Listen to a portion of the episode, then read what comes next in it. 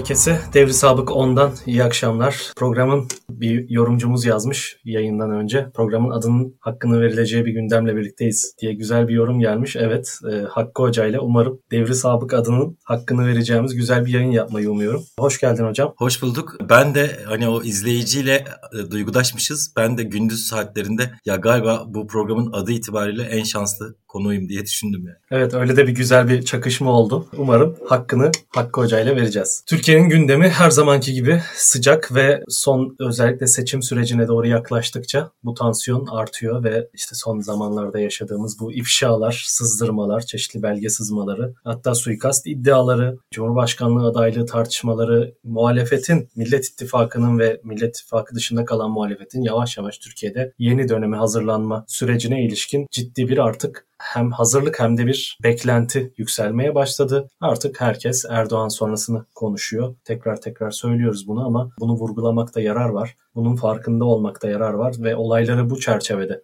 okumakta da yarar var. AKP iktidarı çözülüyor ve bu çözülmenin de artık semptomlarını özellikle bu son dönemde ortaya çıkan Sedat Peker olayı tabii ki bunun önemli bir işaret fişeğiydi. Ancak bununla kalmadı, kalmayacağı da ortadaydı. AKP çözüldükçe, yarıklar derinleştikçe, iktidar içindeki husumetler derinleştikçe dışarıya daha fazla bilgi belge de bir şekilde sızdırılmaya başlanıyor. Ve şu iddiayla şu tartışmayla bugünkü programı açmak istiyorum hocam. Suikastler, siyasi suikastler iddiaları. Bu konuda ne düşünüyorsunuz? Yani şimdi bunu ana muhalefet partisinin lideri ilk olarak dile getirince elbette önemsemek gerektiği ortaya çıkıyor. Bir de belki şunu söylemek lazım. Bu daha önceden de çeşitli kişilerce dile getirilmiş. Bir de aslında hani eskilerin tabiriyle efkar umuminin zaten hep üstünde asılı duran bir beklenti, bir endişe, bir korku olarak üstünde asılı duran bir seçenek aslında ve Türkiye bu seçeneği yaşadı. Hani kimse bunu hayal dünyasından uydurmuyor. Türkiye 2015 yılındaki sıkıştırılmış iki seçim arası dönem başta olmak üzere 2015'ten bu yana çeşitli vesilelerle bu tür operasyonel e, ve ülkenin geleceğini, anlık huzur ve barış ortamını asla umursamayan, kendi ajandası için bundan taviz vermeye hazır bazı operasyonel eylemler yaşadı. Bu açıdan bunu hem bir ihtimal olarak önemsemek gerektiğini düşünüyorum hem de bir duyum var, işte bir ihbar var vesairenin ötesinde Örneğin İçişleri Bakanı bugün diyor ki ben İçişleri Bakanıyım. Emniyete sordum yok. MİT'e sordum yok diyor. Bir istihbarat bilgisinin ötesinde bu daha önce kullanılmış bir yordamın, yöntemin kullanılmasını engellemek açısından ön alıcı bir yanı da olan bir şeydir. Yani bir tür hani bunu aklınızdan geçirmeyin. Buna da hazırız gibi bir yanı vardır. Bu açıdan da olumlu buluyorum sorumluluğu da bir yandan e, aslında üstünden atmış oluyor muhalefet. 2015'tekine benzer bir şok doktrini uygulanmaya kalkılırsa, kalkışılırsa böyle bir şeye bu işin sorumlusu iktidardır diyerek peşinen bunun sorumluluğunu da üstünden atmış oluyor aslında. Evet. Bir de Özgün Hocam şunu da söylemek isterim. Sanırım Türkiye'de böyle bir süreç ya da tekil olaylar yaşanırsa toplumun tamamı kaynağın ne olduğunu, neresi olduğunu biliyor olacak. Yani 2015'ten farklı olarak. Bence 2015'te de toplumun büyük çoğunluğu nasıl bir süreç yaşadığımızı biliyordu. Ama bu kez bu satın alınmayan hani şey tabirle satın alınmayan bir hamle olacak. 2015'te satın alındı. Ee, bu kez satın alınmayan bir hamle olacak. Toplumun da zaten bildiği bir fail adresini önceden duyurmuş oluyor e, aslında muhalefet. Bu açıdan bence olumlu bir şey yapıyor. Zaten iktidarın sıkışmışlığı da birazcık buradan kaynaklanıyor. Elindeki hemen hemen tüm e, manipülasyon ve yönetim araçlarını yitirdiği için artık büyük ölçüde şu an Türkiye'yi işte iletişim başkanlığının aslında yönetmeye çalıştığını, bunun da psikolojik harp ve algı yönetim teknikleri kullanılarak yapılmaya çalışıldığını görüyoruz. Dolayısıyla e, muhalefet de bunun farkında ve e, bu kuşatmayı daraltıyor. Dört taraftan iktidarı sarıyor ve e, bu çaresizliğini derinleştirmiş oluyor aslında bir yandan iktidarında. Şimdi bu e, suikast iddiaları ortaya atılınca tabii ki bunu ilk başta Sedat Peker e, birkaç ay önce açıklamalarında bakın Kürtlere yönelik, Alevilere yönelik çeşitli kışkırtma ve saldırı girişimleri olabilir. Dikkatli olun şeklinde uyarılarda bulunmuştu. Ki kendisi bu işlerin, süreçlerin bir parçası kaynağından gelen biri olarak aslında onun açıklama ve iddiaları önem arz ediyor bu nedenle. Ki önceki gün attığı tweette de şöyle bir şey söyledi. Sedatçılar yok artık sadatçılar var. Dolayısıyla benden yana yani bizden yana herhangi bir şeyiniz olmasın. Biz bu işlerin içinden geliyoruz. Bunların ne olduğunu biliyoruz. Bir şey gelirse Türkiye'de bir şey olursa sorumlusu sadatçılardır gibi bir aslında ifade ve ithamda bulundu. Tabii bunun öncesi vardı sonrası vardı fakat muhalefet topyekün önce Kılıçdaroğlu ardından Koray Aydın, Babacan, Numan Kur hatta Davutoğlu'ndan sonra bir de Numan Kurtulmuş hükümet içinden AKP içinden ön aldı ve bu açıklamalara ilişkin e, destek veren aslında suikastlar bunlar işte kabul edilemez gibi bir açıklamada bulundu. Süleyman Soylu'dan farklı olarak tabii ki orada farklı bir kanadı temsil ediyor Numan Kurtulmuş. E, Süleyman Soylu'dan farklı bir kanadı temsil ediyor. Milli görüş geleneğinin çizgisini temsil ediyor ve kendilerini bir şekilde bu işin dışına sıyırıp alan bir e, açıklamayla aslında onlar da birazcık bu tür girişimler, bu tür planlar varsa boşa düşürmeye yarayan bir açıklamada bulunmuş oldu. Ama bence şu söylediğin çok önemli. Hepsinden öte. Artık bunu satın alacak bir kamuoyu yok Türkiye'de. E, bu malın son kullanma tarihi geçti ve tam da bu nedenle işte iktidarın yavaş yavaş krizinin derinleştiğini ve bu kriz derinleştikçe de içinden bu ayrışmaların bir şekilde bu malum sona giden yolda insanların kendisini ayrıştırıp iktidardan gemiden erken inip bir şekilde dolayısıyla inerken de çeşitli beraberinde götüreceği ne diyelim belki rüşvet demek çok doğru bir ifade olmayacak ama hani bakın ben de ayrılıyorum ve size bunları veriyorum beraberimde bu bilgilerle geliyorum diyebileceği bir takım girişimlerde bulunan çeşitli bürokratlar veya siyasi çevrelerden insanlar oluyor. Bunların bazıları ortaya çıkıyor, bazıları ortaya çıkmıyor, kimliksiz oluyor. Fakat neticede hem devlet içinden hem de siyaset içinden artık iktidardan umudu kesmiş kesimlerin dışarıya doğru bilgi akıtma sürecinin hızlandığını görüyoruz ki bunun son örneği de TÜGVA oldu. TÜGVA meselesi oldu. İnceleme imkanı oldu mu TÜGVA belgelerini? Evet yani e, büyük oranda e, izledim ben de takip ettim. Hem e, konuyu e, gündeme getiren gazeteciler aracılığıyla Metin Cihan başta olmak üzere hem de üstüne yapılan yorumlara da bakmaya çalıştım.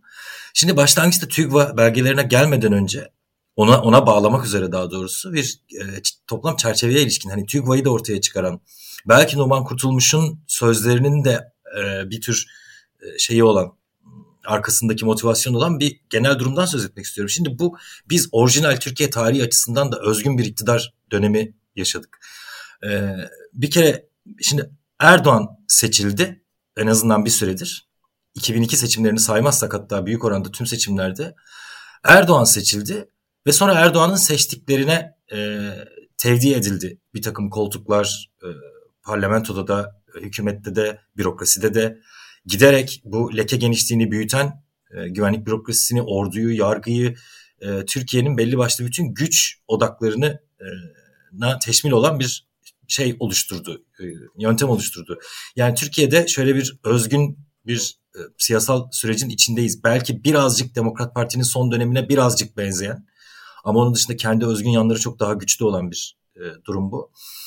E, Erdoğan'ın seçilmesi ve Erdoğan'ın seçilmesi şahsında bazı maddi kazanımların bu tek tek kimi zaman kişiler, kimi zaman toplumsal sınıflar ve gruplar, e, kimi zaman dini ya da ideolojik bir takım oluşumlar ve onların etki alanlarının genişlemesi gibi bazı maddi kazanımlar, bu maddi kazanım bizzat para, ihale vesaire olabilir. Ya da e, bürokraside, devletin yönetiminde edinilmiş imtiyazlar olabilir. E, bu e, maddi kazanımlar da Erdoğan'ın seçilmesinin sürekliliğine iliştirilmiş, bağlanmış e, bir şey oluşturdu, bir bütünlük oluşturdu. Erdoğan'ın her seçilmesi aslında o kazanımların korunması e, ya da kazanımların sürdürülmesi anlamına geliyordu. Erdoğan da bunu başarıyla aslında kendi siyasal e, varlığını, söylemini, aslında kendisini bir siyasal e, lider olarak inşasını e, birazcık buna bağladı. E, bütün kavgaları, e, toplum hani çeşitli kesimlerde kutuplaşma diye algılanan e, bütün itişmeleri aslında e, kendisine oy veren, destek veren, e, devlet mimarisi içinde onunla birlikte davranan bir şekilde yani en altta oy desteğiyle, oy atarak en üstte belki hani ona e, yönetim kademelerinde yardımcı olarak çok geniş bir e, desen üzerinde kendisinin seçilmesini o insanların maddi kazanımlarının sürdürülmesinin şartı haline getirdi. Yani sosyal yardım alan bir yoksulluk içinde geçerliydi bu. E, kamu ihaleleriyle semirmiş şirketler içinde geçerliydi. Şimdi bunun sürdürülebilir olmasının koşulları ortadan kalktıkça, e, bunun sürdürülemez olduğu ortada ya çıktıkça bence AKP açısından da onu da istikrarsızlaştıracak şekilde ve eşyanın tabiatına da uygun olarak iki e, eğilimin ortaya çıkması çok muhtemeldi, kaçınılmazdı. Sanki o oluyor gibi. Bunlardan bir tanesi e, hani söylediğiniz gibi gemiden inmek. Yani e, ya da öbürüne binmeye çalışmak, öbür trene binmeye çalışmak şeklinde bir ihtida hali, karşı tarafa geçme çabası gayreti. Bunun örneklerini görüyoruz şu anda. İkincisi e, bu kazanımların e, bu yaklaşık 20 yılda oluşmuş bu toplam çıkar havuzunun tekrar etme gereği duyuyorum. Bu sadece para değil. E, siyasi nüfuzu da kastederek söylüyorum. Statü var, siyasi nüfuz var, Statü psikolojik var. özdeşleşme var. Evet. Bunun e, ya da tarikatlar cemaatlerin bir kısmı için hani eğitim alanındaki geçmişte elde edemedikleri e, özellik var. E, bunun olası bir siyasal mağlubiyet karşısında da ya da olası bir iktidar değişikliği karşısında da geleceğe en azından olabildiğince hasarsız taşınması. En az hasarla taşınması. Hasarsız demeyeyim de hani bir hasarın kaçınılmaz olduğu herkesçe malumdur. En az hasarla taşınması gibi daha uzlaşmacı bir e, gayret. Yani bir tarafta karşı tarafa e, iltihak etmeye çalışanlar, diğer tarafta e, bu geçişi daha bir uzlaşma ile yürütmeye çalışanlar. Mesela hani Numan Kurtulmuş'u kişi olarak böyle bir pozisyonda olduğunu e, varsayarak ya da iddia ederek söylemiyorum.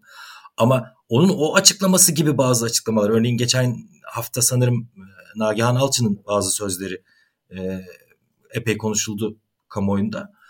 E, hani itidale davet eden toplumu ve siyasileri, sükunete e, davet eden, sanki bu itidal ve sükunet yaklaşık 20 yıldır tek taraflı bozulmuyormuş gibi bir karşılıklılık tarif eden durumlar ortaya çıkıyor. Şimdi bu iki şeyin unsurun ortaya çıkması kaçınılmazdı. Bir de tabii bunlarla da bağlantılı olarak e, şimdi bizim sızıntı diye algıladığımız şu ara ama sızıntı sözcüğü sanırım birazcık şey kalıyor, naif kalıyor. evet. Hani sızıntı daha küçük bir çatlaktan dışarıya bir sızma hani daha küçük bir akıntıyı ifade ediyor. Anladığım kadarıyla özellikle son TÜGVA e, belgelerinin ortaya çıkarttığı tablo e, sızıntının boyutundan öte oradaki e, mimariyi de anlamamızı sağlayacak. Aslında Adalet Kalkınma Partisi hani liyakat sorunu diye tartışılan e, ahbap çavuş kapitalizmi diye tartışılan çeşitli isimler adı altında tartışılan bir işleyişi daha somut olarak görmemizi sağlayacak oylumdaydı. Yani e, özel harekat polisine alınacak kişilerin TÜGVA referanslı olması önemli, çok önemli. E, özellikle özel harekat gibi, polis gibi, yargı gibi hani diyor adam Adalet Bakanlığı'nda daha çok e, odaklandıkları ortaya çıkıyor. Şimdi bunlar elbette çok önemli. Ama oradaki bir işleyişi de açığa çıkartıyor. Biz öğreniyoruz ki zaten aslında biliyorduk. E, yolsuzluk ya da e, bunu da bir yolsuzluk kabul ediyorum bu hani referans üzerinden iş bulma işini de bir tür yolsuzluk e, kabul ediyorum. Yolsuzluk aslında kurumsal işleyişi bu rejimin. Yani onun dinamosu. E, hatta şöyle bir durum var. Yaptıkları açığa çıkıp da kamuoyu tarafından tartışılana kadar gerçekten yaptığının suç olduğunu düşünmeyen insanlar var. Bu onların masum olduğu anlamına gelmiyor. Hani evde ailesinde şiddet uygulayan bir e, adamın e, ancak hukuk tarafından yakalanınca suç işlediğini e, anlaması onun dışında yaptığını kendine hak görmesi gibi bir durum bu aslında.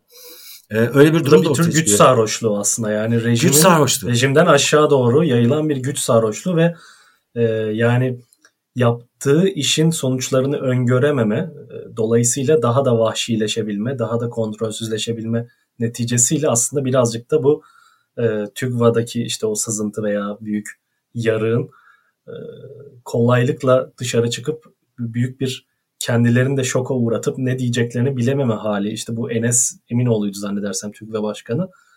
Önceki gün bunlar yalan dolan dedi. Bunlar bu belgeler doğru değil dedi. Bugün belgeler doğru e, bizden sızdırılmış bunlar ama işte üzerinde oynanmış gibi bir ifade de ifade kullandı. Zaten belgeler ilk açıklandığında herhangi bir şey söyleyemediler. 5-6 saat bir toplantı yaptılar.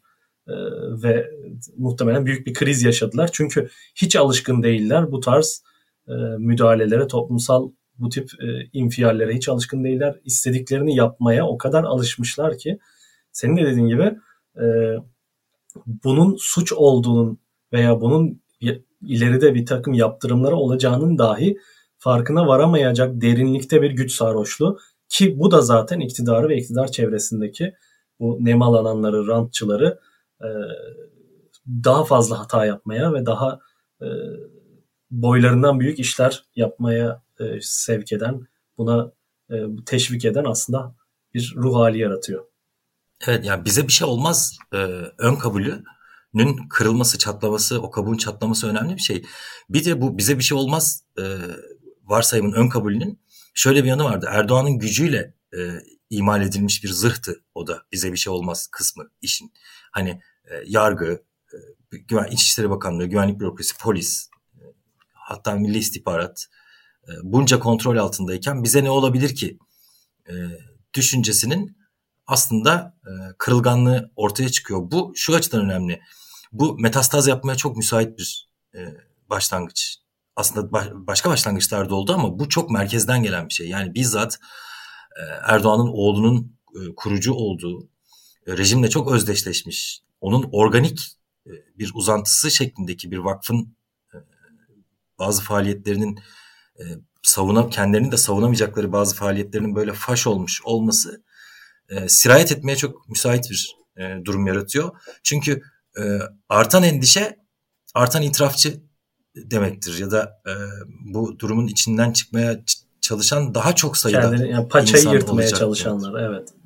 Bir de bazı insanlar açısından da bu e, dışarıdan hani içindeyken belki gerçekten ya saflıktan ya işine gelmekten anlamadığı bazı durumların anlaşılır hale gelmesini ve gelecekteki olası suç ortaklığının yani gelecekteki olası bir devri sabık e, sürecinin e, maliyetini azaltmak açısından da insanlar e, harekete geçebilir. Van'da bir dönem TÜGVA yöneticiliği yapmış bir kişiyi Tele1 kanalında dinledim. E, ismini hatırlayamıyorum. Tamer Özsoy Tamer, galiba. Tamer Özsoy. Tamer Özsoy. Benden başlayarak yargılansın herkes diyor e, mesela. Çünkü o Ama itirafçı o, olmanın, evet. öne almanın avantajını kullanmak istiyor aslında. Evet yani gayet hafifletici bir neden olarak kullanılabileceğini biliyor. Bir, e, evet yani bir yanıyla bu var. Bir yanıyla da e, artık e, bu işin sadece hani bir yanda panik, endişe ve bu paçayı yırtmak isteyenler boyutu var. Bir yanıyla da iktidar içi savaşlar var. Ve iktidar içi savaşlar nedeniyle sürekli bir takım e, iktidarın farklı kanatları arasında olduğunu tahmin ettiğimiz bir çatışmanın e, su yüzüne çıkan bir takım e, göstergeler oluyor. İşte Süleyman Soylu hakkında iddia ve e, çeşitli bulgular ortaya çıkıyor. Bunun karşılığında e, Erdoğan hakkında veya Erdoğan'ın çevresi hakkında iddia ve açıklamalar yapılıyor. İşte Erdoğan Bayraktar geçtiğimiz haftalarda çıktı. Kendi sorumluluğunu kabul eden ve bunlar doğruydu diyen bir açıklama yaptı. Bundan bir iki hafta önce, bir hafta önce kadar zannedersem Süleyman Soylu'nun e, çeşitli mülki amirler hakkında Fethullah Gülen soruşturması hali hazırda dava dosyasına girmiş olan bir takım belgeler olmasına karşın bunları hakkında bir girişimde bulunmadığını. Çünkü kendisi şunu diyordu. Benim dönemimde asla bir Fethullahçı yok. Böyle bir şey olamaz. Ben buna izin vermem. İşte verdiysem vatan hainiyimdir gibi bir takım açıklamalar yapıyordu. Ve birden önüne böyle bir şey koyuldu. Ee, zannedersem T24'te Tolga Şardan'ın haberiydi. Ee, Soylu'nun önüne böyle bir şey koyuldu. Arkasından bir hafta geçmeden bu sefer TÜGVA patlak verdi. Sanki karşılıklı bir e, vuruşma varmış gibi bir şey de yaratıyor bu bir yanıyla. Çünkü e, bir o kanattan bir bu kanattan ifşalar ve şeyler geliyor. E, itiraflar geliyor diyorum. Bir, bir yanıyla ifşa ve iddialar var bir yanıyla da itiraflar var. E, dolayısıyla aslında iktidar içindeki bu savaş da e, belki de kendilerini kurtarma veya hala umutları varsa iktidarın tek hakimi olabilme kaygısı içinde yaptıkları bu savaş artık kuvvetle muhtemel ki Türkiye'nin gitmekte olduğu değişim sürecinin dahi farkında olamayacak bir durumda oldu. Yani birbirlerini yemekle o kadar meşguller ki ve o birbirini yemenin getirdiği e, bir takım bize sağladığı olanaklar sayesinde o kadar fazla dibe düşüyorlar ve bunun farkında değiller ki e, artık gözlerini belki de birbirlerine karşı ciddi bir e, artık ne diyelim ortadan kaldırma isteği bürümüş durumda. E, ve bunun aslında yani Erdoğan'ın Erdoğan ve Süleyman Soylu kanadı diye bahsedecek diye özetleyecek olursak ki aslında bu kadar basit değil çok daha girifti ilişkiler ama e, bu savaşın, bu çatışmanın kaybedeni iki tarafta oluyor ve Erdoğan e, anketlerde özellikle son zamanlarda birçok anket firması sonuç açıklamaya başladı ve giderek birbirine paralel sonuçlar, birbirine oldukça yakın sonuçlar geliyor. E, Millet İttifakı e, HDP'nin desteği olmaksızın Cumhur İttifakı'na yetişmiş durumda. Başa baş gidiyorlar ve e, toplumsal anlamda popülaritesi en yüksek iki aday da İmamoğlu'da, Mansur Yavaş'ta yani olası adaylar anlamında Erdoğan'ı rahatlıkla yenebilecek duruma yükselmiş durumda şu an. Ve Erdoğan sadece eskiden AKP'nin şey düşerdi, desteği düşerdi. E, artık Erdoğan'ın da desteği düşme e, trendinde ve e, bu düşüş içerisinde bu kavganın, bu çatışmanın iktidar içerisindeki bu savaşlarında tabii ki ciddi bir payı olduğunu düşünüyorum ben. Bir yanıyla da bu uzlaşmacılar ve devri, devri sabık işte yaratalım mı yaratmayalım tartışması ve işte Nagihan Alçı meselesi vardı. Bence o da çok önemli. Çünkü bir ara çıkış arayan bir kesim de var. Erdoğan için bir çıkış kapısı arayan bu kuşatılmışlık içerisinde giderek derinleşecek ve e, daha fazla muhtemelen ifşalarla ve e, itiraflarla iyice ortaya çıkacak, faş olacak olan bu ilişkiler içerisinde daralan, iktidarın etrafına daralan kuşatmayı yer alabilmek için bir uzlaşmacı formülle Erdoğan'ı bu kuşatmanın içerisinden çıkarıp muhalefete de belli bir iktidar devri sağlayarak e, müesses nizamı e, bir şekilde sürdürebilmek kaygısı güdenler olduğunu da gözlemleyebiliyoruz. Evet yani AKP içinde böyle bir e, şey ol, evet, olması, evet. olma ihtimali yüksek. E, diğer tarafın çünkü bir restorasyon e, çabası ben öyle adlandırıyorum. Restorasyon e, niyetinde olduğu, buna dair bir hazırlık içinde olduğu, hatta diğer tarafı var eden, o, o aslında normal koşullarda birbirine benzemez bazı unsurları bir araya getirip e, bir e, hedefe odaklayan şey aslında Türkiye'nin e, ya da Türkiye'nin mevcut haliyle yönetilemez hale gelmesinin ortaya çıkardığı e, değişim ihtiyacı. Bu değişim ihtiyacı türlü hallerde tezahür edebilirdi.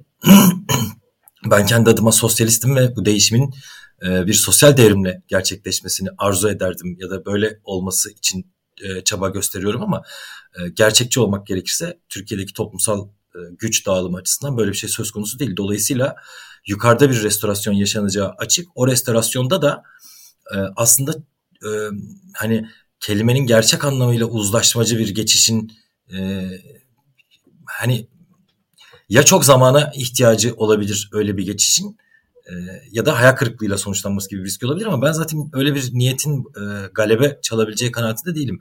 Karşı taraftaki durum hani a, a, kıtlaşan kaynaklar yamyamlığa yol açar her yerde.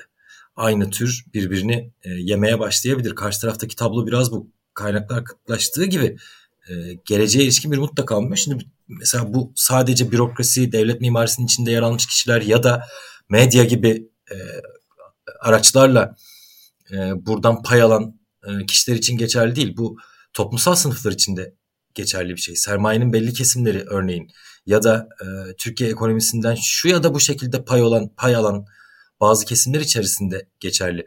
Örneğin faiz kararı Erdoğan'ın çok sık tartışılıp hani bir tür e, bir tür çılgınlık gibi, bir tür aklını kaçırmış bir rejimin e, intiharı gibi görünüyor. E, oysa o faiz kararının karşılık geldiği, e, Türkiye ekonomisinde karşılık geldiği bazı sermaye kesimleri var. E, fakat Erdoğan'ın geçmişten farklı ve dezavantajlı olduğu konu geçmişte sadece Türkiye'den kaynaklı değil, uluslararası konjonktürden de kaynaklı olarak farklı kesimlerin taleplerini e, ve gelecek beklentilerini birlikte yönetebiliyordu. Hani ufak tefek pürüzlere rağmen Türkiye'nin örneğin en gelişkin, en ileri kapitalist unsurlarını işte TÜSİAD sermayesi, İstanbul sermayesi gibi isimlerle anılan kesimlerin beklenti ve taleplerini de yönetebiliyordu. Anadolu sermayesi olarak bilinen e, kesimlerin ya da küçük ve orta ölçekli işletmelerin kobi sermayesinin giderek hatta daha aşağıya doğru esnafın, küçük esnafın e, talep ve beklentilerini de bir arada yönetebiliyordu. Bütün bunların üstüne bir de e, ücretli emeğin yani çalışan sınıfların bir kesiminin özellikle alt katmanlarının e, rızasını devşirebiliyordu. Sosyal yardım ağları kullanarak dini bir ideolojik araç ve aynı zamanda bir ilişki sermayesi olarak kullanarak e, bunları yönetebiliyordu. Şimdi Türkiye öyle bir yoksullaşma e, ve ücretli emek de kazanımları açısından öyle bir gerileme yaşıyor ki başta en aşağıdaki rıza tabakası olmak üzere yukarıya doğru çatırdayarak çıkan bir e, o bütünlüklü binadan söz ediyoruz. Her yerinden çatırdayan bir yapıdan söz ediyoruz. Hani e, resmi enflasyon sanırım %17'ye yakın civarda. E, ama ben buraya not aldığım birkaç şeyi söylemek istiyorum. E, gıda ve alkolsüz içecekler enflasyonu %28,8 yaklaşık %30 iki katı neredeyse. E, ev eşyası %23,3 lokanta otel 23,3 e, konut %21 enflasyonu son Eylül ayı itibariyle son bir yıllık enflasyonu ulaştırma %20.2 aslında e, en geniş kesimler açısından toplumun en geniş kesimleri açısından en yüksek harcama kalemlerine sahip olan bu 5 kalemde neredeyse ortalama enflasyon %25 ki bu da TÜİK verileriyle elde edilen yani e, dörtte bir oranında e, geriye düşmüş bir, e, bir satın alma gücü. Bunun üstüne işte dolar sanırım bugün e, yine çok sert bir yükseliş yaşıyor. Elbette bundan faydalanan kesimler var ama e, sanırım yılbaşından bu yana kayıplar %25'i buldu. TL'nin dolar karşısındaki kaybı. E, Albayrak'ın sorusunu e, hatırlatarak söylemek istiyorum. Maaşınızı dolarla mı alıyorsunuz diye. Dolarla almayanlar da maaşlarını daha küçük %25 oranında daha küçük alıyorlar. Her 100 liranın 25 lirası gitti. E, bu gerçeği kabul etmek lazım. Çünkü Türkiye üretim açısından da e, bu sorunun bu kadar e, fütursuzca sorulabileceği bir ülke değil. Maaşınızı dolarla mı alıyorsunuz diye. Maaşı dolarla almıyoruz ama bebek mamasını e, dolarla alıyoruz. Bebek bezini dolarla alıyoruz. Benzini dolarla alıyoruz. Enerji özellikle de bu kış e, evet. daha da ciddi bir sorun olacak ki dünyada genel olarak bir enerji sorunu var. E, bu yeşil dönüşüm projeleri ve e, bu yeşil dönüşüm projesinden kaynaklı alınan tedbirlerin yeterli verimliliğe sahip olmaması e, çeşitli işte mevsimsel mevsimsel sorunlarda birleşince e, enerji fiyatlarında ciddi bir yukarı çıkış olacak. Buna bizdeki kur artışını da eklediğimizde Türkiye hem kamu kaynakları bakımından hem de halkın e, kendi cebi, vatandaşın kendi cebindeki delik bakımından ciddi bir büyüme olacak kamu kaynaklarındaki delikte ve cüzdandaki delikte.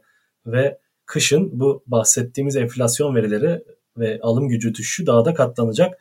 Ben kıştan sonra açıkçası AKP'nin e, desteğini şu an %30'larda seyrettiği yani bir ortalama alırsak eğer anketlerin ortalamasını ki istatistikler tek başına yani anketler tek başına tabii ki seçmen davranışını ölçmek için tek başına bir parametre değil ama elimizde sonuçta üzerinde konuşabileceğimiz, spekülasyon yapabileceğimiz bir veri ve e, kış bitiminde bahar başlangıcı da muhtemelen bu e, 30'un çok altına yani rahatlıkla 30'un altına düşeceğini öngörebiliriz. Ve söylediğin gibi hem alım gücü düşüşü hem rantın artık pastanın küçülmesi ve rızanın devşirilmesinin imkansızlaşması işte o sosyal yardım illüzyonuyla ilk döneminde kurduğu, yaratabildiği göreli alım gücü yükselişi e, kaybedilmiş durumda. E, tabii ki rant ve pasta küçüldükçe e, çatışmalar ve e, örneğin TÜGVA'ya, şuraya buraya iş başvurusu için gelen birçok insan daha fazla geri çevrilmek durumunda kalıyor veya e, iş imkanı yaratılsa bile e, gerekli ihtiyacı olan maddi olanaklara, koşullara yine de ulaşamamış oluyor. Yani sonuçta e, rıza üretebilme kapasitesi azalıyor özellikle ekonomik bağlamda.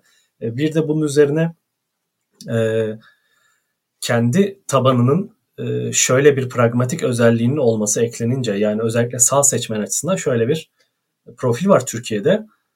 Güçlünün yanında yer alma ve yarını garanti edebilecek bir e, aksiyon içerisinde olma. Yani bir şekilde Türkiye'de seçmenin e, özellikle sağ seçmene teşmin ediliyor bu durum ama e, kuvvetle muhtemel ki merkez ve merkez sol seçmende de bu tip motivasyonlar e, gözlenebilir e, güçlü olan çünkü sonuçta solda da güçlü olan partiye eğilim gösteriyor sol seçmende. Orada da aslında ar- arka planda böyle bir motivasyon işliyor. E, güçlünün yanında durabilme tabii ki yani pragmatizm diyebiliriz, oportunizm diyebiliriz ancak bu toprakların hayatta kalabilmek için bir şekilde insanlara e, öğrettiği bir psikolojik, evrimsel psikolojik bir davranış biçimi olabilir diye düşünüyorum ben. E, çok öngörülebilir bir coğrafyada yaşamıyoruz. Hukuki anlamda da öngörülebilir bir coğrafya değil. Ekonomik anlamda da öngörülebilir bir coğrafya değil. Dolayısıyla insanlar daha pragmatist ve e, daha ileri götürecek olursak oportunist davranıyor olabilir ve AKP tabanında da özellikle bu rızasını üret, rıza devşirdiği seçmen kesimi içerisinde de bu motivasyonla hareket, hareket eden insan sayısı oldukça fazla ve AKP'deki bu erime e, kamusallaştıkça, görünür oldukça, popülaritesi arttıkça bu erimenin insanlarda da e, galiba yeni bir şey geliyor ve ben bu yeni olanın yanında hizalanayım e, eğilimi de artmaya başlıyor. Yani e, AKP'nin tabanına ilişkin bir e, sayısal hani çekirdek taban işte sayısal tahminler yapılmaya çalışılıyor ama ben o çekirdeğin e, öngörülemeyecek kadar küçülebileceğini düşünüyorum bu nedenle ki e, bu TÜGVA olayı ve bu benzer ki devam edeceğini düşünüyorum. Bu benzer sızıntılar, sızmalar veya yarıklardan taşan artık e, baraj kapaklarının çatlamasıyla belki de dışarı taşmaya başlayan bu e, bilgi belge ifşaatın şiddetlenmesi sonucunda e, içerideki kapışmadan insanlar daha fazla e, AKP'den uzaklaşma eğilimi gösterecek ve bu birbirini besleyen aslında paradoksal bir süreç. Yani çatışma arttıkça, pasta küçüldükçe çatışma artacak, çatışma arttıkça e, insanlar daha fazla AKP'den uzaklaşacak, AKP'den uzaklaştıkça çatışma daha da şiddetlenecek. Böyle bir artık geri döndürülemez bir sürece girildiğini çok net bir şekilde teslim etmemiz gerekiyor AKP açısından. AKP rejimi açısından sadece yani AKP diye bir parti var mı yok mu diye bir tartışma var ki ben olmadığını düşünüyorum. Ee, en azından artık yok. Geçmişte bir, bir takım parti özellikleri gösterdiyse de topyekün içinde yaşadığımız rejim açısından artık e, yavaş yavaş yolun sonuna gelindiği, öyle veya böyle bu yolun sonuna gelindiği. Çünkü e, Erdoğan içinde artık sürdürülebilir, yönetebilir bir aktör olmadığı birçok kesim hem içeride hem dışarıda bu teslim ediliyor bunun hakkı ve e, kimse uzun vadeli plan yapamayacağı, kaybedeceği belli olan bir e, aktöre e, bütün varlığını, fonunu ayırıp yatırmaz ona ve ona böyle bir güçlü bir yatırım yapmaz. Bu da aslında bir dezavantaj olarak e, hükümetin önüne geliyor ve buradan Millet İttifakı'nın birazcık stratejilerine doğru geçebiliriz diye düşünüyorum. Özellikle bu Meral Akşener'in başbakanlık çıkışı, e, adaylık tartışmaları. Sen ne düşünüyorsun üstadım bu konularda? E, bu son AKP'nin bir parti olarak varlığına dair tartışmaya ilişkin kısacık bir şey söylemek istiyorum. E, 2017 referandumu bence hani fiilen Adalet Kalkınma Partisi, Adalet AKP zaten Erdoğan için hatta AKP öncesinde bulunduğu parti Refah Partisi de hani 90'lı yıllarda e, çok iyi yönettiği, çok iyi nüfuz ettiği, e, bir seçim makinesi gibi çalıştırdığı, e, hem duygusal olarak hakim olduğu hem de doğru yönlendirip çalıştırdığı, ustaca kullandığı bir makine idi siyasal parti. Erdoğan sanırım başkanlık rejimine biraz da Bahçeli'nin 15 Temmuz'dan sonra ortaya çıkan tabloyu fırsat gibi görüp acele bir şekilde arkadan ittirmesiyle başkanlık rejimine geçerken bunun üzerinde ne kadar düşündü, e, bunun buna ne kadar çalıştı, o da e, işte TÜGVA'da mikro, mikro örneklerini gördüğümüz e, güç sarhoşluğundan nedenli mustaripti bilemiyorum ama üzerinde çok çalışılmamış bir şey gibi e, geliyordu ve 2017 referandumu itibariyle aslında Adalet Kalkınma Partisi parlamentonun azalan önemi, parlamento seçimlerinin azalan önemiyle birlikte zaten Erdoğan'ın bir eklentisi gibi e, çalışmakta olan Adalet Kalkınma Partisi büyük oranda e, varlığını kaybetti. O dönemki tartışmaları hatırlayalım işte metal yorgunluğu, bazı eski yöneticilerin, eski belediye başkanlarının görevden alınması, hani e, sorunu tersten e, aslında baş aşağı çevrilmiş şekilde gören, hani bir sorun var ortada, oylar geriliyor. Niye 2007 17 referandumundan sonra e, bu sorun ortaya çıktı? İşte üç büyük şehir başta olmak üzere hayır oyları öndeydi. E, hatta o bile şüpheliydi. Çünkü işte sayım sürerken çıkmış mühürsüz oy e, tartışmaları vesaire hani atı alıp Üsküdar'a geçmekle e, mimlenmiş, işaretlenmiş bir sürecin sonunda geçmişti. Orada bir yenilenme çabası, bir tür e, hani bir yeniden reanimasyon etmek gibi bir çaba gösterildi ama e, çok başarılı olamadı. Çünkü hani durgun su gibi bulanıyor AKP. Tortu oluşturuyor, kirleniyor. Çünkü AKP artık bir durgun su. Bugün ortaya çıkan TÜGVA belgeleri aslında, bugünlerde ortaya çıkan TÜGVA belgeleri aslında bu tabloyu tamamlayan bir şey olarak ortaya çıkıyor. Geçmişte Türkiye'de siyasal iktidara sahip olan unsurlar bu tür partizanlıkları parti aracılığıyla yaparlardı. Biz şimdi görüyoruz ki neredeyse aile fertleri ve en yakın çekirdektekiler etrafında böyle bir kar tanesi gibi kristalize olmuş çok dar bir grup e, polis memurluğunu bile e, yargıdaki herhangi bir düşük dereceli memurluğu bile tespit edebilir e, yönle, hani kim olacağını karar verebilir bir mekanizma oluşturmuş. Ortada parti yok. Vakıflar var. İşte kimin var? Onun vakfı var, bunun vakfı var. E, bu iktisadi alanda işte e, beşli çete diye anılan bir takım şirketler eliyle bir büzüşme. Burada başka türlü bir büzüşme. Aslında AKP'nin yaşadığı temel sorunlardan bir tanesi bu. İçeriye doğru çökme, büzüşme, küçülme ve örtmesi gerektiği kadar geniş bir kalabalığı örtemez hale gelme. Dolayısıyla AKP'nin bir siyasal parti olmaktan çıkması bence içinde yaşadığımız dönemde sonuçlarını gördüğümüz önemli bir tespit. Onu vurgulamak istedim. Ee, çok uzattım ama şeyi kısa tutayım. Muhalefetle ilgili kısma geçerken kısa tutayım. Ben e, vaktimiz var rahat olabilirsin üstadım. Senin vaktin tamam. varsa bizim de var yani. Tamam. Ee, ben e, Akşener'i dinlerken Halk Televizyonu'nda canlı yayında dinlerken e, Cumhurbaşkanı adayı olmadığını e, ilan ettiğinde ilk olarak onu söyledi. E, yani e, tabii iş işten geçtikten sonra böyle konuşmak kolay biliyorum ama inan aklımdan şu geçti yani zaten ne yapsın Cumhurbaşkanlığını e, ortada bir güçlendirilmiş parlamenter sistem vizyonu e, stratejisi varsa asıl olan başbakanlık diye. Hemen peşi sırada onu söyledi. Şimdi burada e, tahkim edilmiş güçlü bir restorasyon planı var.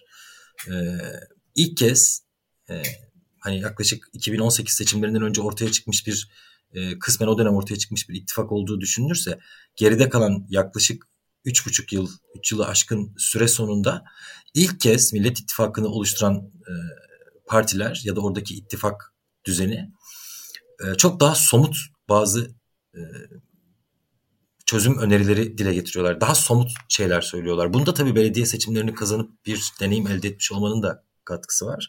Mesela güçlendirilmiş parlamenter sistem diyorlar. E, geçiş dönemi yaşanacak. E, şimdi bu e, Türkiye'de e, hani hülo diye tarif edilen bir şey vardı bir dönem. Hani koşulsuz şartsız AKP oy veren e, verecek olan. E, şimdi ya e, bir şey sapmayla zihin, hani akli bir sapmayla ya da çıkar için e, her koşulda oraya verecek, oy verecek ya da her koşulda siyasal olarak orayı destekleyecek e, toplum kesiminin oranı belli bence. Çok da büyük bir oran değil. Türkiye'de siyasal İslamcıların e, kendi orijinal, otantik oy oranları aslında %6 ile 8 civarında bir şeydi.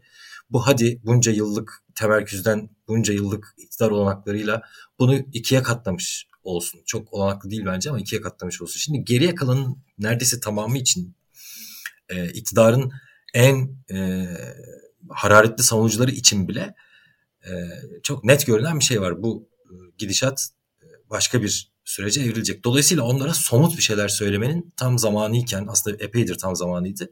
Şimdi söyleniyor. Bence bu noktada e, şey önemli tabii hani oradaki başkanlık, başbakanlık, cumhurbaşkanlığı e, görev paylaşımı hani orada bir akıl çalışıyor, bir saat gibi çalışıyor ve biz ne yaptığımızın bilincindeyiz düşüncesini vermek için önemli. Ama bence karşılaşacağı birkaç sorun var. Bir tanesi bu geçiş süreci yani bu, bunu şimdiden konuşması gerektiği şeyler olduğu kanaatindeyim. en azından restorasyonla Türkiye'yi değiştirme değiştirme iddiasında olan partilerin. Bunlardan bir tanesi bir geçiş süreci olarak tarif edilen dönemin e, temel nitelikleri ne olacak? Yani burada e, şimdi bu çözülenler var ama çözülmeyen de şeyler olacak. O çok açıkça çözülmeyen şeyler de olacak. Türkiye'deki her büyük iktidar değişikliği e, kısmen de olsa kendi devri sabıkını e, yaratarak ilerledi. E, Erdoğan'ın iktidara geldikten bir süre sonra kendini güçlü hissetmeye başladıktan sonra çoğunlukla siyasal nitelikli operasyonlar başlatıp eski sistem dediği, vesayet düzeni dediği e, dönemin hem politik hem bürokratik unsurlarını e, cezaevlerine doldurduğunu hatta bunu Gülen cemaatiyle birlikte yaptığını hatırlamak lazım. Şimdi ikincisi bu buna ilişkin hani her e, başka insanları cezaevine doldurmak lazım anlamında söylemiyorum ama bu geçiş sürecinde karşılaşılacak zorluklar olacaktır. E, buna ilişkin bir rehabilitasyon planının olması lazım muhalefetin. Hani bu konuda da topluma daha açık konuşmak gerekiyor. Ancak bunlar olduktan sonra hani devlet mimarisinin değişimi, medyanın değişimi, e, medyada tabii sermaye medyanın sahiplik yapısının değişmesi, e, bürokrasideki değişim evet bunları daha somut e, konuşulması, daha giderek daha somut konuşulması gerekiyor. Ama bütün bunlar bir yana ben hani e, Millet İttifakı daha çok bu e, kavramlar üzerinden gittiği için bunları söyledim. Ama bence daha önemlisi Türkiye'de çok geniş bir kesime, e, çalışan kesimlere, ücretli e, emeğe bir e, gelecek döneme ilişkin bir plan sunmak gerekiyor. Türkiye bu konuda da çok korkunç halde. E, tarihinin en kötü döneminde yani bir 12 Eylül'ün ilk 3 yılında çok sıkıştırılmış bir e, emek karşıtı e, dönem vardır. Adalet Kalkınma Partisi bunu 20 yıla yayarak e, tarihin en kötü noktasına getirdi.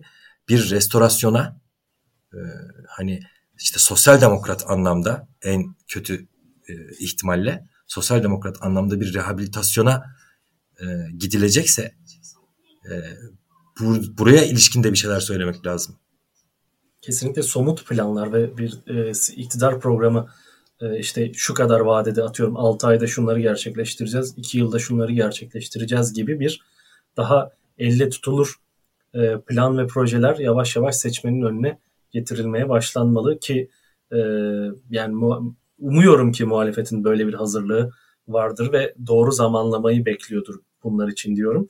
E, fakat işte Kılıçdaroğlu'nun gençlere ulaşmak için yaptığı bir takım açıklamalar, e, bir takım siyasi iletişim kampanyaları doğrultusunda yaptığı açıklamalar var. Fakat bunların yeterli olduğunu düşünmüyorum.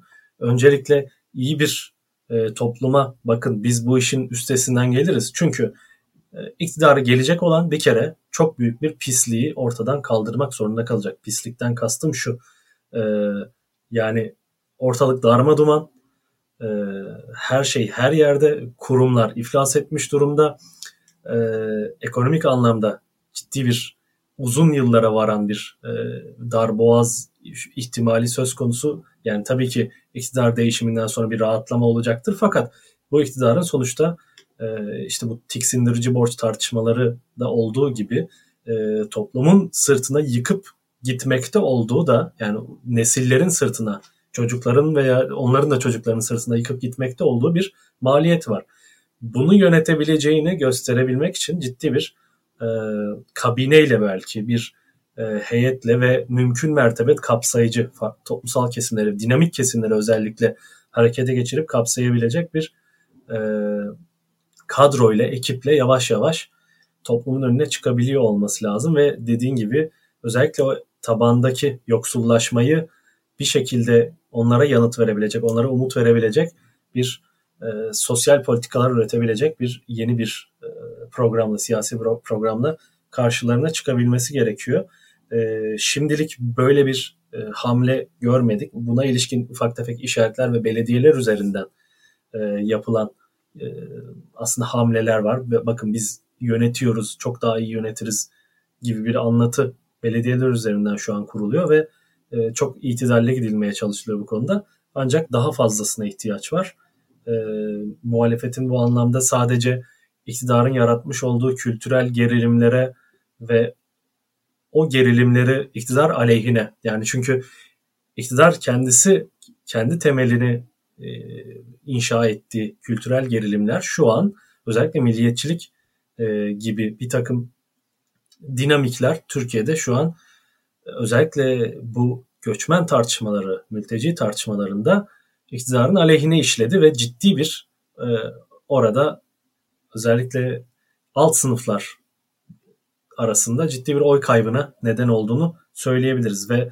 sadece bunlara yaslanmak yerine daha fazla sosyal politikaları ve dediğim gibi bir yıllık, iki yıllık, üç yıllık planlar ve dahası senin de söylediğin gibi devleti dönüştürme yani iktidar çözülüyor ama çözülmeyen de bir e, muhtemelen çeşitli odaklar kalacak ve bu kalın kabukları kırabilmek için yapılması gereken bir kurucu meclis iradesi gösterebilmek e, gerekecek. Özellikle yüksek yargıda ciddi bir dönüşüme ihtiyaç var. Çünkü yüksek yargı Erdoğan'ın önemli ölçüde kendine biat eden e, isimlerden oluşturmaya çalıştığı bir yapıya bürünmüş durumda.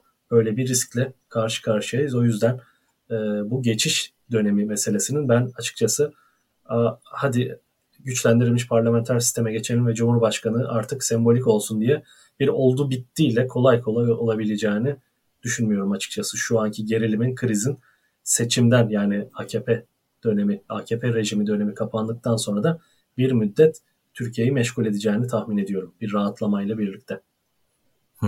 Ya e, konuşmanın akışını bozuyor muyum bilmiyorum ama farklı zamanlarda söylediğin iki şeyi birleştirerek bir şey söylemek istiyorum. Hiç sorun değil. Gayet keyifli gidiyor bence. Tamam. Bir tanesi e, bu yeşil dönüşüm. E, yani bir, bir süre önce konuşmanın daha ortalarında bahsi geçen yeşil dönüşüm işi. Bu önemli bir e, nokta, önemli bir proje. İkincisi de e, az önce hani orman yangınları döneminde ortaya çıkan e, reaksiyonlarla beliren aslında bir tür yeni hegemonik fikir, yeni dönemin fikri gibi ortaya çıkan şey. Hani muhafazakar demokratlığın öldüğü yerden acaba bir tür liberal ulusalcılık ya da mı geliyor? Hani yeni dönemin ruhuna daha seküler ama milliyetçi, daha küresel milliyetçi bir liberal ulusalcı bir... yükselişi aslında birazcık buna yoruluyor. Evet, evet doğrudan. İYİ Hatta Parti'nin yükselişi. Hani CHP de aslında bu havuzu gözeten, hı hı. onu kimi durumlarda yeniden üreten, güçlendiren e, bir pozisyon alıyor. içindeki bazı daha sol unsurlara rağmen böyle bir pozisyon alıyor. Şimdi bu aslında e, Türkiye'nin yaşadığı değişimin de kendisinden ibaret bir değişim olmadığı, Türkiye'nin yine her zamanki gibi dünyayla, e, dünya tarihsel bir değişim, dönüşüm yaşamakta olduğunu gösteriyor. Bu açıdan da e, mukadderatı e, bugünkü iktidar açısından kaçınılmaz e, olanı e, daha sağlam bir çerçeveye oturtuyor.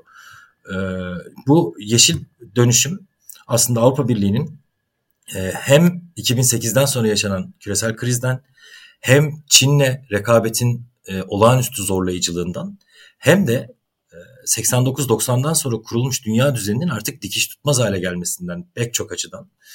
E, aslında oradaki e, ne denir e, şeyin müesses nizamın yavaş yavaş hani küresel düzeydeki müesses nizamın da çözülme emareleri göstermesinden kaynaklı bir aslında yeni büyüme stratejisi. E, Avrupalıların yeşil mutabakat dediği. E, yeşil Avrupa Yeşil Mutabakatı aslında küresel batının içinde Amerika Birleşik Devletleri'nde hatta Biden'ın seçilmesinden sonra çok daha güçlü bir şekilde Amerika Birleşik Devletleri'nin de yer aldığı ve alacağı ve e, üretim süreçlerini e, en güçlü kapitalizmin en güçlü unsurlarının hatta oyun sürerken kuralları yeniden belirlediği bir e, hegemonik müdahaleyle inşa ettiği bir süreç Avrupa İş Mutabakatı. Avrupa İş Mutabakatı e, dünyamız elden gidiyor endişesinden daha çok üstünlüğümüz elden gidiyor endişesinden ortaya çıkmış bir hegemonya projesi. Ve şöyle söylüyor ben artık sadece şunlardan mal ve ürün alacağım. Senin ne kadar karbon emisyonu kullandığına bakacağım. Bu Türkiye içinde de çok tartışmaya yol açıyor. Türkiye içinde mesela TÜSİAD bunu iki senedir Avrupa ile aynı anda söylemeye başladı ve istiyor. Çünkü bu yeni yatırımlar gerektiren e, daha güçlü bir e, rekabet altyapısı gerektiren bir yenilenme süreci içeren bir hegemonik proje. TÜSİAD buna e, uyum sağlayabilecek hiç değilse sermaye birikimine sahip. Yani e, bunun gereklerini yerine getirebilecek sermaye birikimine sahip. Ama Türkiye'li şirketlerin borçluluk yapısına bakıldığında çok önemli bir bölümü buna sahip değil. Bu tartışma Avrupa'nın içinde de var. Ee, Doğu Avrupa ülkeleri mesela e, mali yapılarının, Doğu Avrupa şirketleri mali yapılarının zayıflığı nedeniyle buna daha mesafeli yaklaşıyorlar ve hani Avrupa Birliği fonlasın bu dönüşümü, teknik bu dönüşümün teknik gereklerini. Oysa biz daha e, termik santrale baca filtresini Cumhurbaşkanlığı kararnamesiyle e, serbest bırakan bir e, pozisyondayız evet, o konuda. Bizim evet, oraya uyum sağlamamız. Izinlerle. Evet, bizim oraya uyum sağlamamız çok kolay bir şey değil. Şöyle kolay değil. E, Türkiye Batı kapitalizminin e, doğrultusuna daki bir raya oturacaktır kaçırılmaz olarak. E, fakat bu e, sermaye yapısında da bazı alt üst oluşlar, bazı kaynakların transfer olması anlamına gelecek. Yani bütün büyük kriz dönemlerinde olduğu gibi büyüklerin küçükleri yediği e, ve yeni bir konseptle e, yeniden e, sahanın dizayn edildiği bir ortam ortaya çıkacak. Bu açıdan Türkiye'deki liberal ulusalcılık ya da daha seküler milliyetçilik yeni döneme uygun bir ideolojik altyapı da sağlıyor. Çevrecilik bunun yani çevrecilik demeyeyim de hani e, elbette dünyada çok büyük bir iklim sorunu var. Bu elbette var. E, ama iklim sorununun e, failleri o soruna karşı çözüm arar gibi bir görüntü oluşuyor. Ama iklim sorunu aynı zamanda dünyaya ve gezegene karşı duyarlılık üzerinden ideolojik bir pozisyonda üretiyor, manevi bir pozisyonda üretiyor. Bir tür panteist bir din gibi aslında kendisine bir e, ruhani bir motivasyon da kazanmış oluyor büyük sermaye. Ahlaki bir meşruiyet sağlıyor. Evet bu tıpkı 89-90'da e, yıkılan Doğu blokunun karşısında temel hak ve özgürlükler, seçimli demokrasi e, ile kazanılmış ahlaki üstünlüğün bir yeni versiyonunun aranışı. Türkiye buna uyumlu bir sermaye e, yapısına şöyle sahip. Zaten Türkiye'nin büyük sermayesi bunu istiyor. Türkiye'nin geleceğini burada görüyor. E, muhtemelen ikili bir yapı oluşacaktır Türkiye'de. Buna uyum sağlayanlar Avrupa pazarına açık kalmaya devam eden, Avrupa pazarına mal ve hizmet satmaya devam edenler. Bu lojistik için bile geçerli olacak. Adam oraya gelen kamyonun e, yaktığı yakıtı ve çıkarttığı karbonun emisyonunu bile ölçerek mal satın alacağını ilan ediyorken e, ve e, dış ticareti büyük oranda Avrupa ile olan e, Türkiye gibi ülkeler bunun e, sadece tavsiye değil yaptırım düzeyinde bununla karşılaşacakken Türkiye'nin içinde e, hem sermaye yapısının hem de o yapılar tarafından e, temsil edilen ideolojik yönelimlerin değişmemesi mümkün değil. E, o açıdan şeyi önemsediğimi söylemek istedim. Orman yangınları Kesinlikle çok ortaya çıkan. Çok iyi bir noktaya dikkat çektim üstadım. Ee, tam da bu konuyla ilgili aslında bu Türkiye'deki sermayenin de bu e, aslında yani küresel dayatmalarla, küresel e, koşulların, global koşulların dönüşümün dayatmasıyla Türkiye'deki iktidar dönüşümünün birazcık paralellik arz etmek durumunda kalacağını belirttim ve bir takım sermaye profilinde de değişimler ve sermaye transferleri gerçekleşecek. Fakat e, şöyle bir izleyici sorusu var. Bununla da birleştirmek istiyorum. Çünkü Türkiye Batı kapitalizmine bir şekilde adapte olmak durumunda kalacak. E, fakat özellikle AKP'nin 2010'lar sonrasındaki politikalarıyla birlikte e, Türkiye böyle bir e, acaba yeni bir jeopolitik e, hizalanma e, yaratabilir miyim? O, onun içinde yer alabilir miyim gibi bir arayışlara girmişti. Bu iktidar en azından kendine buradan bir çıkış aramaya başlam aramaya denemişti 2015'ten 2016'dan sonra. Fakat bunun çok işlemediği, yürümediği artık bugün ortaya çıkmış durumda ve e, zaten bundan da birazcık vazgeçildiği anlaşılıyor iktidar tarafından. Fakat e, küresel ölçekteki işte bu sorudaki e, ifadeye dönecek olursak Çin ve Hindistan meselesi Türkiye'yi çünkü e, uzun vadede daha fazla nüfuzu nüfuzu altına alabilecek birer faktör olarak doğumuzda da duruyor bir yanıyla. Muazzam nüfus potansiyelleriyle özellikle ki Afganistan meselesinde Çin'in e, dahlini artık gördük. Yani Çin de yavaş yavaş bölgeye doğru elini kolunu uzatıyor diyebiliriz. Sen ne düşünüyorsun üstadım bu konuda? Evet, şimdi Türkiye'deki ben, hani... sermaye ile ilgili bir, nasıl bir sonucu olabilir sermaye dönüşümüyle? Şimdi uluslararası ilişkiler alanında hani çok iddialı şeyler söylemek istemem. Ee, hani benim çok hani daha cüretkar konuşabileceğim bir alan değil ama şu kadarını şunu söyleyebilirim. Türkiye'nin ekonomik altyapısı hani hem üretim araçları ve üretim ilişkileri hem de e, dağıtım ve pazar kanalları açısından e, Türkiye kapitalizmi Batı kapitalizmiyle başta Avrupa ve ABD olmak üzere Batı kapitalizmiyle e, 50'lerden itibaren yüksek düzeyde entegre olmuş, 80'lerden itibaren de teslim olmuş bir ülkedir. Finansal düzeyde de, finansal araçlar açısından da. Türkiye'nin e, çok katılıyorum. Türkiye 2016'dan sonra e, bir e, hani farklı arayış içindeymiş gibi davranarak aslında kimi zaman blöf, kimi zaman zaman kazanma aslında oluşan bir gri alanda e, işte Amerika'da Trump'ın başkanlığının yol açtığı, işte Doğu Avrupa'da bazı e, Erdoğan'dan aşağı kalmayan liderlerin e, nüfuz ortaya çıkması, e, Hindistan'da, Brezilya'da, farklı yerlerde farklı eğilimlerin ortaya çıkması zaten hani e, küresel müesses nizamın bozulması ve onun bir ona dair bir çözüm arayışının ortaya çıkması da bu nedenle e, karşımızda. Aslında hiçbir zaman gerçekten biz e, Avrupa Birliği ve ABD yerine Çin, Rusya, işte Şangay Beşlisi falan hani e, ne bileyim Vatan Partisi falan içindeki az sayıda insan dışında bunu gerçekçi bir hedef olarak gören Türkiye'de pek kimse olduğunu zannetmiyorum. E, bu Erdoğan açısından hele hiç gerçekçi bir e, neden. Erdoğan orada oluşan boşluk alanlarına sızmayı e, denedi. Başardı kimi zaman. Hani kendisine bir hareket alanı sağladı. Kabul etmek lazım ki Türkiye Suriye'de yaklaşık 60 bin askerle e, belki daha fazla tam sayısını ben bilemiyorum ama 60 bin civarında olmalı 60 bin askerle Türkiye Suriye'de önemli bir toprak parçasını kontrol ediyor. Mesela bununla da ilgili yarın öbür gün tartışmamız gerekecek. Türkiye Suriye'den nasıl evet. ayrılacak? Ee, Dahası yeni operasyon işaretleri veriliyor. Bunun ne evet, kadar mümkün yani, olabildiği tartışılır. Ama evet. böyle bir olgu da var önümüzde yakın vadede. Dolayısıyla Çin, Hindistan hani e, küresel müesses nizam diye benim söylemekten kastettiğim şey aslında küresel batının e, batılı anlamda kapitalist merkezin e, yeniden bir hegemonya projesiydi. E, Çin en azından bunun içinde değil çok açık ve hatta bu biraz Çin karşıtlığıyla da e, ifade olunan bir pozisyon. E, Çin karşıtlığı kısmı Amerika Birleşik Devletleri'nde daha güçlü.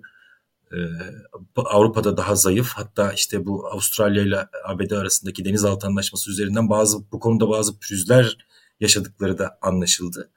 E, ama Çin küresel batının tümü için her şeyden önce askeri olmaktan önce iktisadi bir sorun. Ama Çin ve Hindistan en azından bir blok olarak öyle bir blok da yok ama bir ikili ülke olarak o nizamın içinde değiller. Ama Türkiye'nin de gidip buradan kaçıp oraya da e, var olma şansı yok. Bütün Türkiye'nin altyapısının yeniden kurulması anlamına gelir.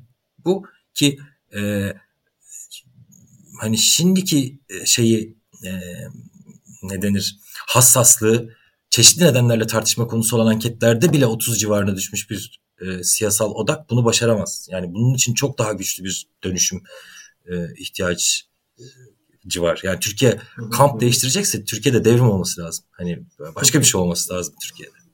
Yani bunu AKP'nin bu geçici manevralarıyla sarkaç etkisiyle yapılabilecek e, bir takım değişim, değil. değişimler, dönüşümler değil ve yani özetle sen şunu söylüyorsun diyorsun ki Türkiye e, sermayesinin sahip olduğu geleneksel profil ve e, yapısal özellikleri itibariyle e, bu süreçten yeniden Batı kapitalizmiyle bütünleşme ve onun koyduğu yeni küresel hedeflere e, bir şekilde entegre olabilme e, hamlesiyle çıkacak, çıkmayı deneyecek en azından.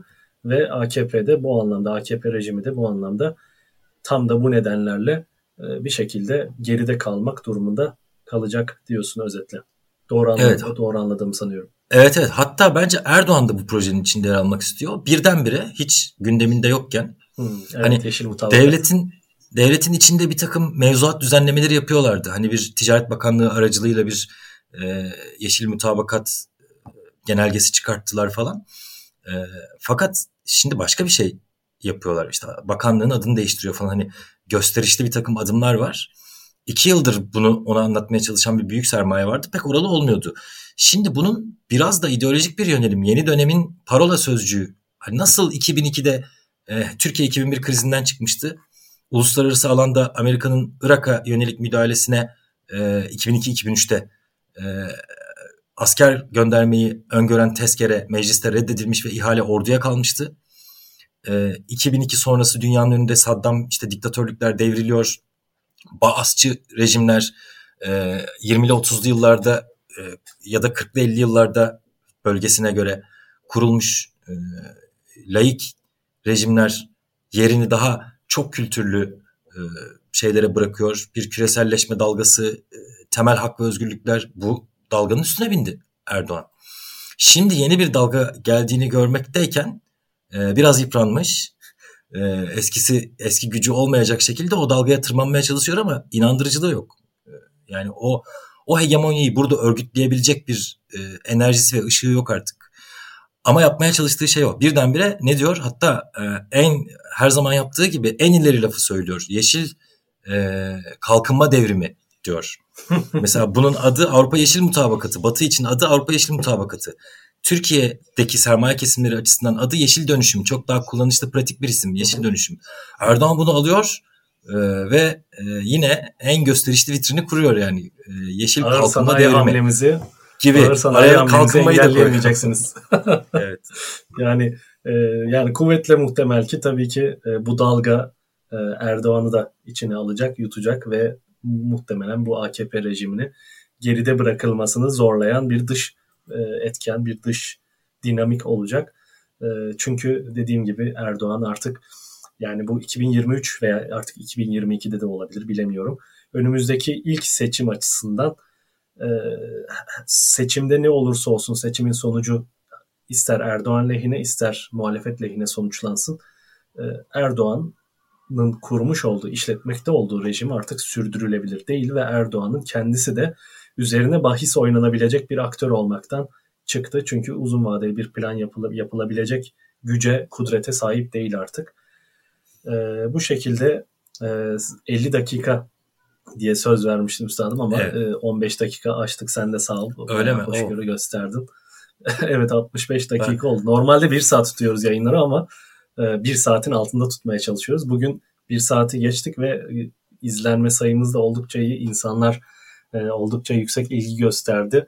E, son bir soru daha sorayım. Hemen kapatalım o zaman kısaca. Tamam. AKP sonrasında ekranda vereyim. AKP sonrasında tersine göç olur mu Türkiye'ye dönük? Bir, bu ciddi bir insan kaynağı kaybettik çünkü. Hı. Özellikle işte orta sınıfın e, yetişmiş nitelikli iş gücünün batıya gittiğini yani 60'lardan 70'lerdeki göçten farklı olarak daha nitelikli e, üniversite eğitim almış, üniversite üstü eğitimi almış kesimlerin batıya gittiğini gözlemledik. Bunlar e, bir AKP rejimi sonrası bir geri dönüşüm olabilir mi bu sınıflar açısından?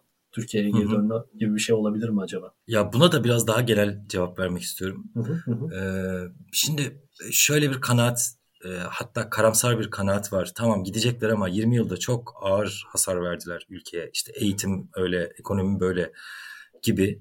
E, çok büyük haklılık payı var. E, büyük hasar gördü Türkiye. E, fakat bu deneyimi yaşamış bir ülke kalacak geriye. E, hani e, ölmemiş bir organizma birçok hastalıktan güçlenerek çıkar.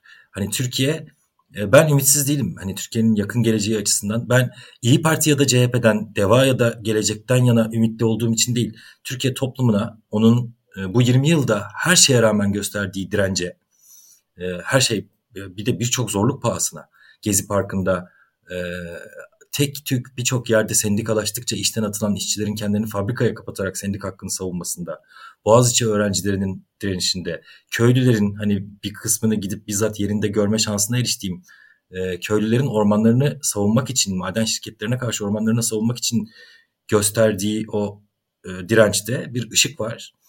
E, o e, ışık çağıracaktır giden insanları. Bir de e, isterlerse de gelmesinler. Türkiye'nin hala e, önemli ve güçlü bir e, insan kaynağı var diye düşünüyorum. Bu direnç bunu gösteriyor. E, ama öyle bir şey de olacaktır. Umarım e, insanlar da dönerler ülkelerine. Ben de katılıyorum buna. E, Türkiye'nin insan kaynağı birazcık küçümseniyor bence. Özellikle muhalif kesimlerde böyle bir umutsuzluk ve karamsarlık var.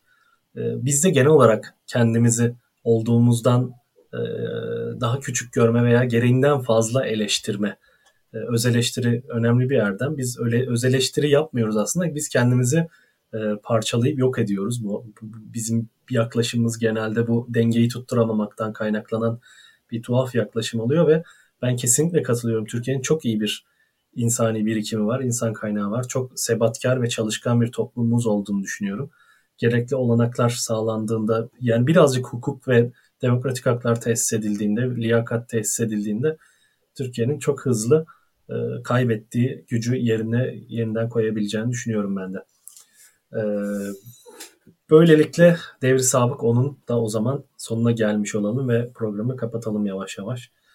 Ee, Üstadım çok teşekkürler. Çok keyifli bir program. Ben teşekkür Umarım ederim. izleyenler açısından da öyle olmuştur.